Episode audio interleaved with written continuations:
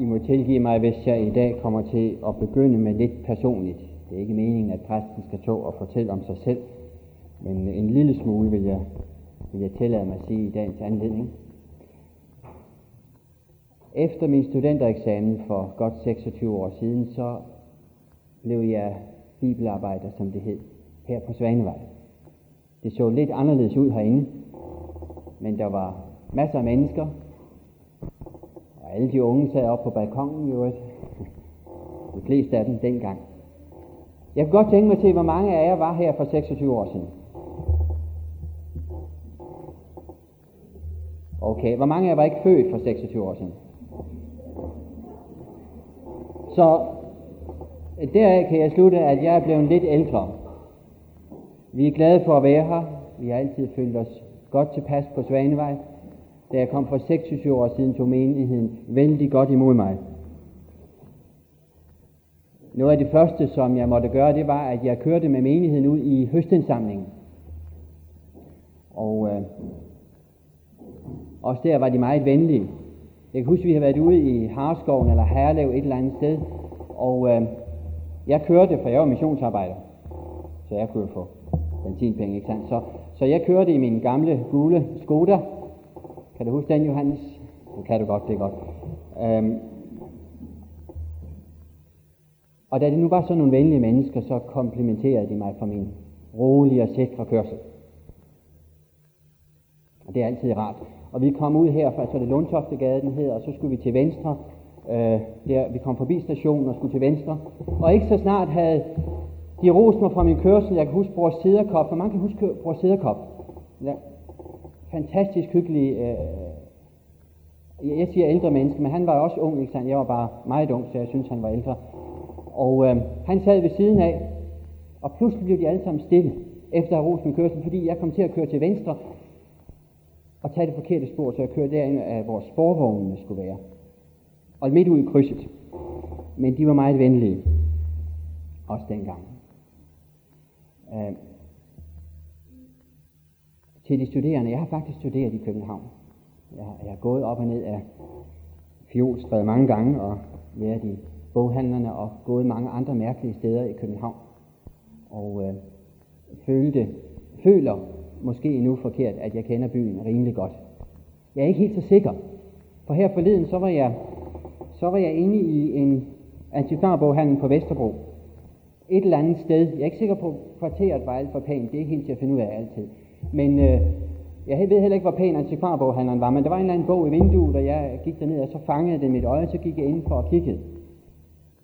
Jeg havde en rudekravsvætter, jeg havde en jakke på, og øh, jeg ville have været i udlandet. I Amerika, der hilser alle folk som venligt og hjerteligt. Så jeg havde fået den vane til at hilse, altså jeg gav ikke hånd, men jeg hilste sådan venligt og smilte til manden, der sad der og øh, skrabede penge sammen med disken.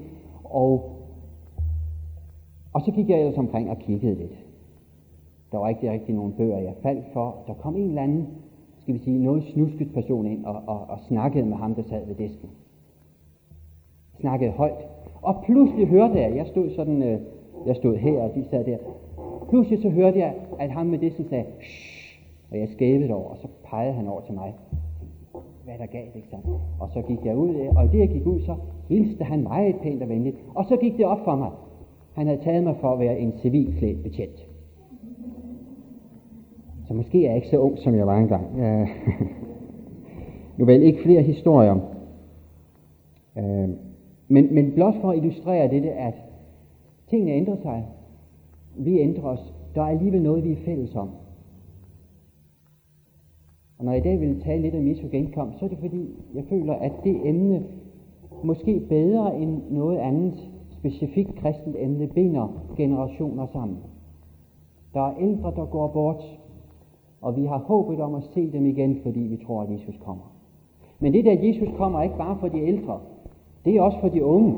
Det er det, der giver det kristne liv mening. Det er det, der giver os en opgave. Det er sådan set, fordi vi tror det, at vi er her. Vi er adventister. Vi vil gerne dele det håb med andre. Når jeg er præst her, så er der mange ting, som jeg gerne vil gøre og gerne vil se. Det er ikke sikkert, at alt sammen kommer til at ske. Men en ting vil jeg gerne forsøge at gøre inden for de næste måneder. Det er om muligt at kunne aflægge jer alle sammen et besøg og tale lidt mere med jer om, hvem I er, hvad I drømmer om, hvad I forestiller jer menigheden, de mål og visioner, I har. Og når jeg kommer rundt, så må I endelig ikke følge forpligtet på øh, den store anretning. Så ender det med, at jeg bliver for voldsom, ikke sandt, når jeg står her ved talerstolen. Øhm, så tag det uforpligtende. Jeg ønsker at tale med jer alle sammen. En anden ting, jeg også ønsker, det er, at hvis I kender nogen i menigheden, uden for menigheden, som I føler vil have gavn af et besøg, som er syg eller har andre, andre grunde trænger til det, så sig endelig til. Det er altid ubehageligt som præst at opdage, at man gerne ville have været hos nogen, og man opdager det for sent. Vi tror på Jesu genkomst. Og øh, jeg ved ikke, om du nogensinde har mødt mennesker, og der taler om verdens ende. Hvad vil der ske, hvis du siger, jeg tror også på, at verden er ved at gå under? Det kan godt være, at der er nogle mennesker, der siger, ja, det ser forfærdeligt ud. Men jeg kender en hel masse andre mennesker, de vil stige på dig og tro, at du får forstand. Er det rigtigt? Er, er vi helt fra forstanden, når vi tror, at verden går under? Det er sådan noget, man laver grin med. Det er med i vidighedstegningerne. Folk, der går rundt med plakat om, at verden går under i morgen. Jeg har engang hørt, der var en monolog, jeg hørte den i, i bilen, da jeg kørte. Verden gik under i dag. Det skete ved femtiden og skabte et vældig trafikkaos ude ved Fortunen. Nu er der trafikkaos der af andre grunde. Man laver grin med i tanken om verdens ende. Og vi som adventister, vi har i vores navn det, at vi tror på, at Jesus kommer igen. Vi tror på verdens ende. Og det er der til synligheden mange andre mennesker, der gør, og en hel del opfatter dem som skøre. Jeg har her en lille lærebog, som blev udsendt af en Knud Erik Andersen for to år siden. Den handler om sekter og nyreligiøsitet. Som adventister har vi den ære her at blive placeret blandt sekterne. Han har skrevet det meste af efter en amerikansk bog. Det er sådan noget andet, men det ved man ikke her i Danmark, så det gør ikke så meget. Men en af de ting, som han, han hæfter sig ved, er mærkeligt ved adventisterne. Det, som gør, at de er en sekt og ikke sådan en almindelig kristen bevægelse, tro mig, det er vores opfattelse af Jesu genkomst. Han siger, der er næppe tvivl om, at de ældre krist, ældste kristne har forventet Jesu genkomst. Men inden for forskningen er der uenighed om, hvorvidt Jesus selv har fortalt om sin genkomst. Tankevækkende er det, at Jesus aldrig taler om sit komme, men altid om menneskesøndens komme. Jeg vil jo sige, det er det samme, men det vil han ikke sige. Han udgiver en bog, som er skrevet og udgivet på et kristent forlag i Danmark, hvor i han er med til at sige, at adventister er mærkelige i forhold til andre kristne, fordi de tror på Jesu genkomst. Det pussy er, at den samme mand senere har skrevet lærebøger for Intermissions forlag. Og det pussy ved det er, at det er ikke noget specielt adventistisk at tro på Jesu genkomst. Vil I høre, hvordan det lyder søndag efter søndag i hver eneste danske folkekirke? Jeg tror på Gud Fader, den almægtige, himlens og jordens skaber. Jeg skal ikke læse det hele fra den apostolske trosbekendelse, men lad mig læse om Jesus, korsfæstet, død og begravet, nedfar til dødsriget, på tredje dag opstanden fra de døde, opfar til himmels, siddende ved Gud, Faders, den almægtiges, højre hånd, hvorfra han skal komme at dømme levende og døde. Det bemærkelsesværdige er i virkeligheden, at vi som adventister fastholder en tro på Jesu genkomst, som lige fra begyndelsen har været central i den kristne kirke, som findes i alle de kristne kirkers officielle bekendelser, men som i dagens teologiske verden samtidig er ringeagtet. Og nu er der nogle grunde til, at folk synes, at det er mærkeligt. Det er ikke så mange, der hører efter, hvad der siges i trosbekendelsen, og det er slet ikke så mange, der kommer i kirkerne. Men der er jo faktisk nogle mærkelige ting, der foregår.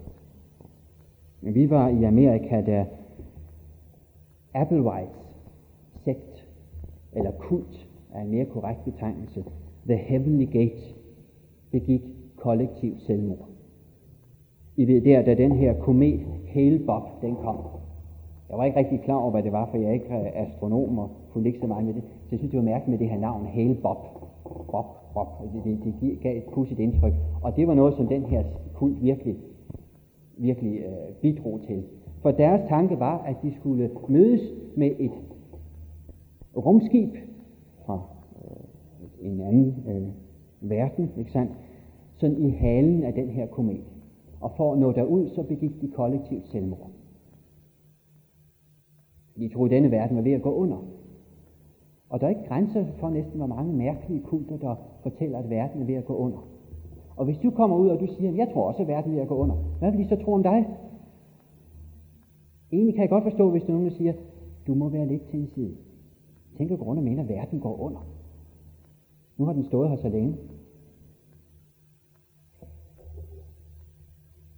Vi har andre. I 1994 var der 50 mennesker, som begik kollektiv selvmord i den såkaldte soltempelkulten.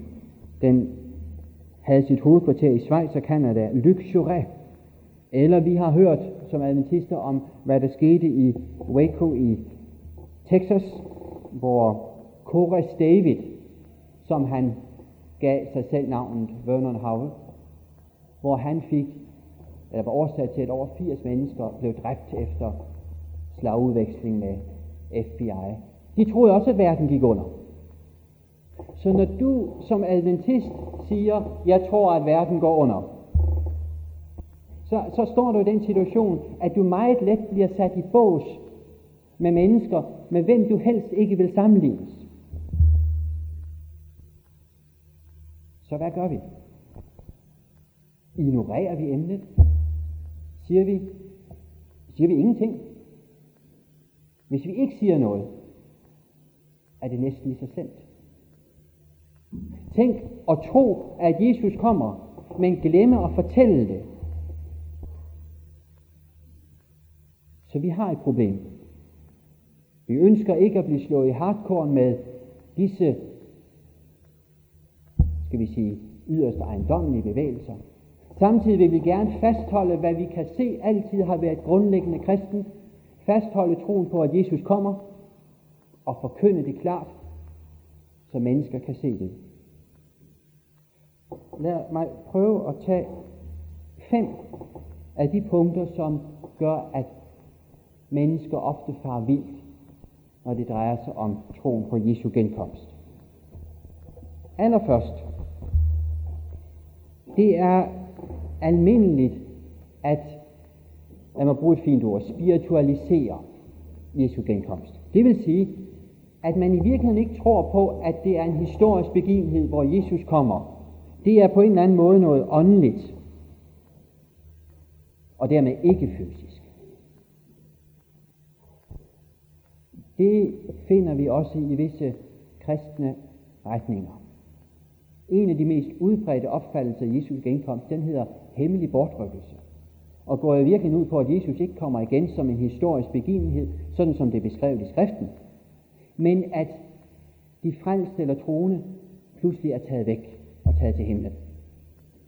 En af de mest populære film blandt mange kristne i Amerika, den, den øh, er en dramatisering af, hvorledes øh, man vågner op, dem der er tilbage på jorden, og pludselig opdager, at de troende er væk, og de leder efter den, hvor er de?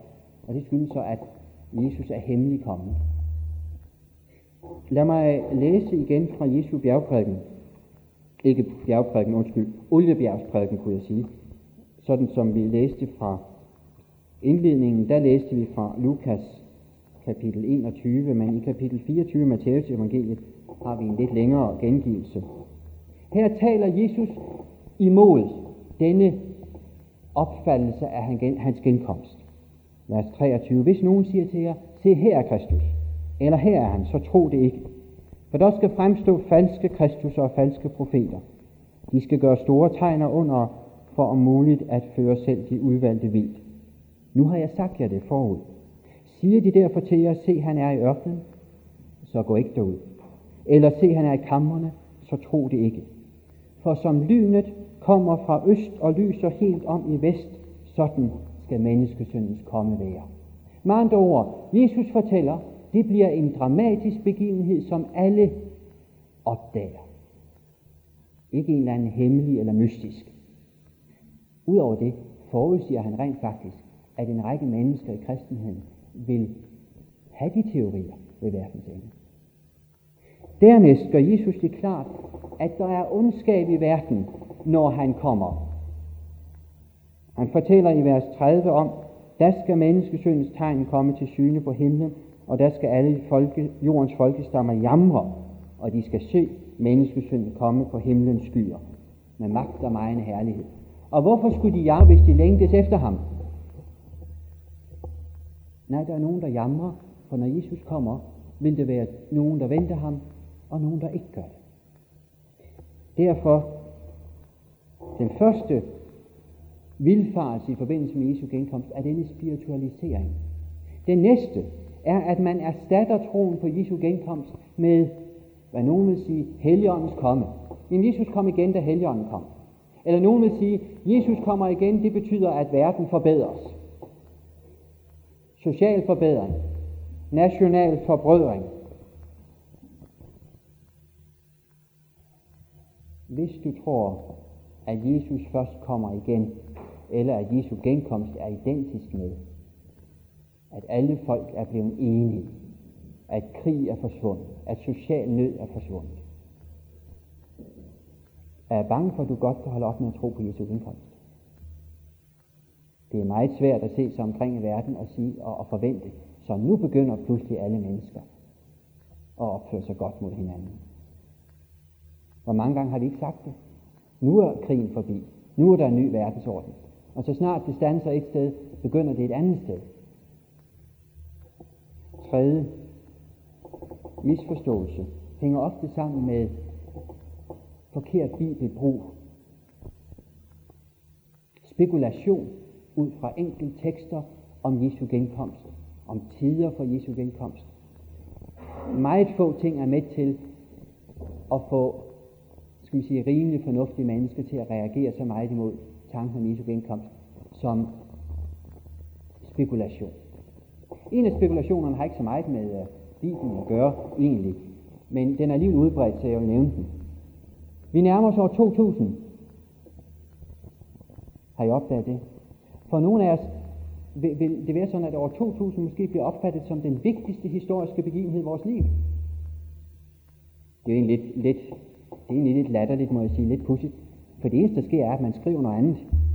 Det har den betydning, at alle programmer i computer og diverse kalender skal laves om. Det er besværligt. Men det har en anden effekt. Fordi vi skifter, tror mennesker, at nu sker der noget specielt. Og der vil være masser af kristne, masser af sekter, masser af kulter, der siger, nu er det år 2000, nu sker der et eller andet. Nu går verden under. Men det er ikke år 2000 i Israel. De har en anden kalender. Det er ikke år 2000 i Kina. De har også en anden kalender. Det er ikke år 2000 i de muslimske lande. De har også en anden kalender. I virkeligheden er det slet ikke år 2000. I hvert fald ikke efter Jesu fødsel. For Jesus blev født mindst år 4 før vores tidsregning. Og i virkeligheden er der ikke gået 2000 år, når vi kommer til år 2000. Det er det nemlig først, når vi kommer til år 2001. Fordi der er ikke noget år 0. Selvom den franske, eller, øh, franske borgmester i Paris øh, mener, at det godt kan gøres sådan, så, så er det bare fordi, vi gerne vil feste, når vi har anledningen, Så hvorfor ikke feste år 2000 frem for år 2001? Men det har ingenting med Bibelen at gøre. Det er ikke noget med, det er ikke Gud, der har fastsat den kalender. Det var en lært, velmenende munk i det 6. århundrede, Dionysos Exiguus, som i 532 lavede kalenderen. Han regnede så lidt forkert, at det skal være ham undskyldt. Det var ikke så let. Han gjorde det udmærket. Men det er ikke Gud, der har opfundet den kalender. Og det, at der pludselig kommer til at stå to med tre nuller bagefter, ændrer ingenting i sig selv. Men der er mennesker, som Det kommer til at betyde noget. Jeg hørte en anden, som havde en anden udgave, hvor han kombinerede lidt med tallene her. Han ville også gerne have år 2000, men, men det var mere 2007. Nu kan man sige, at det var bare en eller anden tilfældig. Nej, det var det ikke. Hans navn er Pat Robertson. Og Pat Robertson har rent faktisk været præsidentkandidat i USA. Nu kan man sige, at der er mange kandidater, men alligevel ved jeg, at ved det første korpus, det er det sådan indledende øh, valg i det republikanske parti, øh, der slog han faktisk George Bush. Han fik flere stemmer i Iowa, en af de amerikanske stater.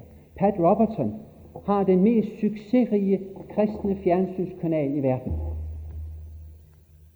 Han skraber penge til sig i en grad, som jeg ved ikke, om vi skulle misunde det, men så i hvert fald er imponerende. Vi kunne godt bruge den. Han mener, at verdens ende må være inden år 2007. Hvordan beregner han det? Jo, for han siger, Jerusalem blev erobret af israelerne i år 1967. Og inden der er gået en generation, så skal verden til ende komme. Og en generation i Bibelen, siger han, det må være cirka 40 år.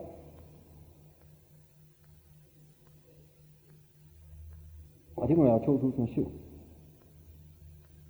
Men, som jeg nævnte før, det er næppe sandsynligt, at det er, hvad meningen er med udtrykket denne slægt.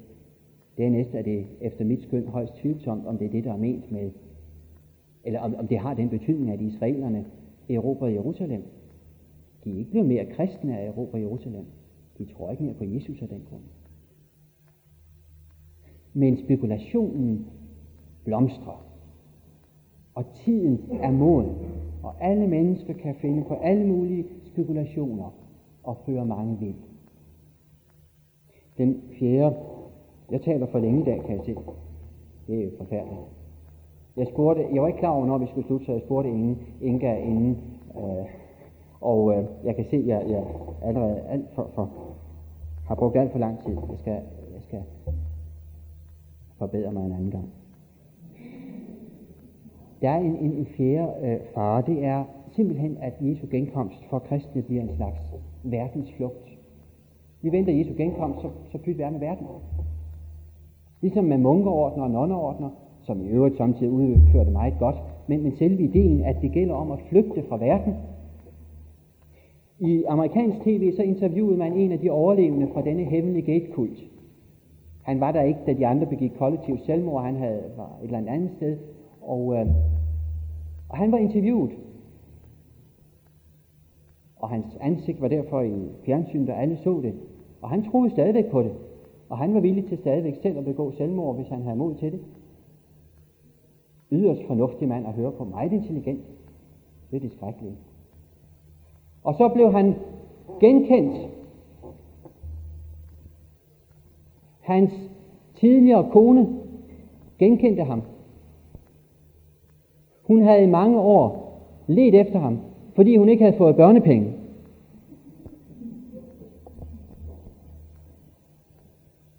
Og samtidig kan religiøs forventning om verdens ende blive en vældig flugt fra det ansvar, man rent faktisk har i denne verden.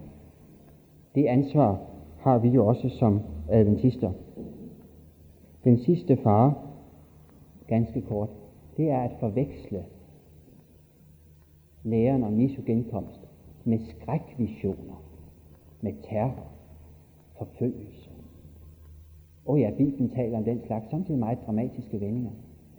Men det afgørende i Jesu genkomst er helt personligt, at Jesus kommer. Alle de andre ting, der sker omkring, er jo mindre betydningsfulde. Det er, at Jesus kommer. Det vil sige, at du får chancen for at være sammen med den Jesus, du har troet på, og se ham der sker meget andet, men det er kernen i det. Og hvis du og jeg tror på Jesus Kristus og har ham som vores ven, hvorfor skulle vi så være bange for, at han kommer? Hvorfor alle skrækvisionerne? Han kommer som person. Din og min opgave i menigheden, og Svane og andre steder, er knyttet til vores tro på, at Jesus kommer. Knyttet til vores tro på, at Jesu genkomst ikke er et udtryk for verdens flugt. Knyttet til vores tro på, at vi skal være med til at forberede verden. Det vil sige, at vi skal være med til i vores liv og i vores måde at være sammen på, at være et vidnesbyrd, så verden kan se, hvad evangeliet går ud på. Det vil sige, at Jesu genkomst for os som adventister bør vække os til det ansvar, det er at være kristen i en verden i nød. Så derfor har vi visioner også fra menigheden her. Vi har endnu tomme stole, og jeg så en masse, der var anbragt udenfor. Der er plads til mange flere. Jeg synes, vi er mange. Men der er plads til flere. Vort ansvar, vores vision som adventister, fordi vi tror på Jesu genkomst, fordi vi længes efter det, fordi det er en lys begivenhed, vi kan se frem til, fordi vi kender Jesus. Vores mål, vores opgave, er at gøre andre delagtige i dette håb, i denne tro. Præsentere dem for Jesus på en måde, så de forstår, hvem han er, hvad det indebærer at leve med ham, og give dem lyst til at komme her og tilbyde ham sammen med os. Så vi kan få flest muligt med i Guds rige. Lad os bede. Himmelske Far, vi siger dig tak, fordi du i Jesus Kristus tilbyder os tilgivelse for synd, fordi du på korset har taget vores skyld og givet os en ny chance. Lær os som enkelte personer at kende Jesus Kristus. På en sådan måde, at vi kun kan glæde os i forventning over, at han kommer igen. På en sådan måde, at vi grives af et ønske om at dele ham med andre, så vi kan leve op til det ansvar, det er at være kristen i en verden i nød. Og hjælp os til, når vi taler med andre om vort håb om Jesu genkomst, at præsentere dette kristne håb på en sådan måde, at det centrer sig om Jesus, så mennesker tiltrækker sig ham og får lyst til at være med. Vi siger tak for din kærlighed, din opgave til os i Jesu navn.